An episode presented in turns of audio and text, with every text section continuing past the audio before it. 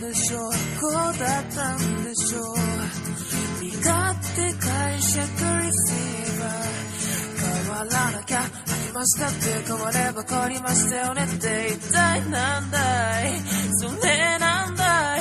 僕とった手はなくならないようでして。幸せは貧乏けする不良品いちゃった。苦しいことは繊細に映る高画質レンズで精一杯やってんだ。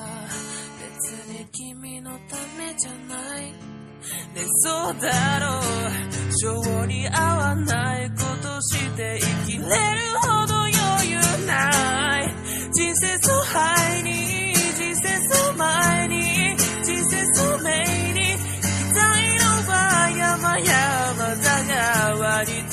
と根拠も証明もないような現状世界くらいがちょうどよくて